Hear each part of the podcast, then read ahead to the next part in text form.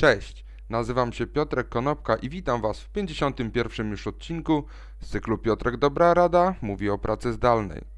Dzisiaj powiem o kilku sytuacjach z życia, które pokazują w jaki sposób polskie firmy podchodzą do kwestii pracy zdalnej oraz pracowników. W poprzednich odcinkach mówiłem m.in. o tym, które kraje sobie radzą lepiej, a które gorzej w walce z koronawirusem i wyszło na to, że w walce z koronawirusem gorzej sobie radzą państwa zarządzane w sposób autorytarny i takie samo poczucie mam, że firmy zarządzane autorytarnie gorzej sobie radzą z pracą zdalną. Równocześnie był jeden odcinek na temat tego, jak firmy komunikują się z rynkiem i z pracownikami na temat tego, jak pracownicy będą pracowali, czy zdalnie, czy stacjonarnie i kiedy do tego biura wrócą. Ostatnio rozmawiałem z kilkoma moimi przyjaciółmi pracującymi w różnych firmach. Chciałem Wam opowiedzieć o trzech sytuacjach, które miały miejsce.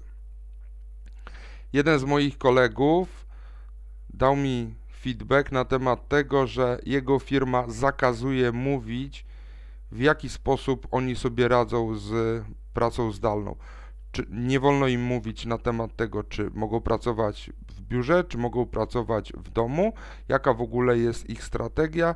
Wszystko to jest owiane dużą dozą tajemnicy i w związku z tym pracownicy nie powinni nawet w trakcie prywatnych rozmów mówić, jak to wygląda.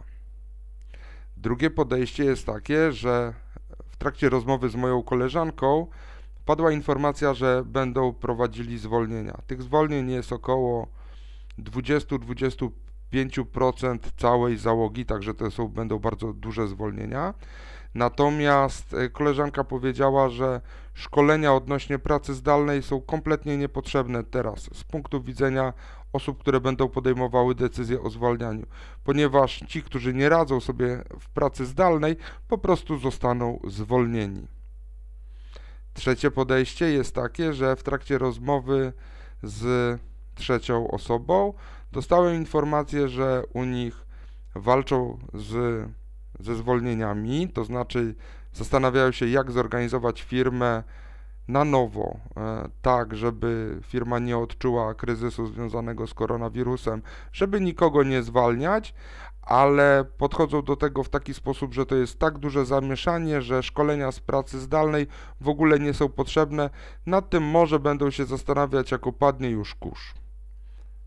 Także polskie firmy mam poczucie, że chciałyby wdrożyć pracę zdalną, ale nie mają pojęcia, jak się do tego zabrać. Duża doza tajemniczości, brak zaufania oraz podejście takie my wiemy najlepiej i będziecie robili tak, jak my wam każemy, mam poczucie, że przebija się w podejściu większości polskich menedżerów. A jak jest u was w firmach? Dajcie równocześnie też feedback na temat tego, jak Wam się podoba layout i nowa synchronizacja dźwięku i obrazu, ponieważ przez ostatni weekend spędziłem kilka godzin przeglądając tutoriale na YouTube. Także dajcie informacje, co Wam się podoba, co się nie podoba i czy można coś zmienić. Zgodnie z filozofią Better than, than perfect.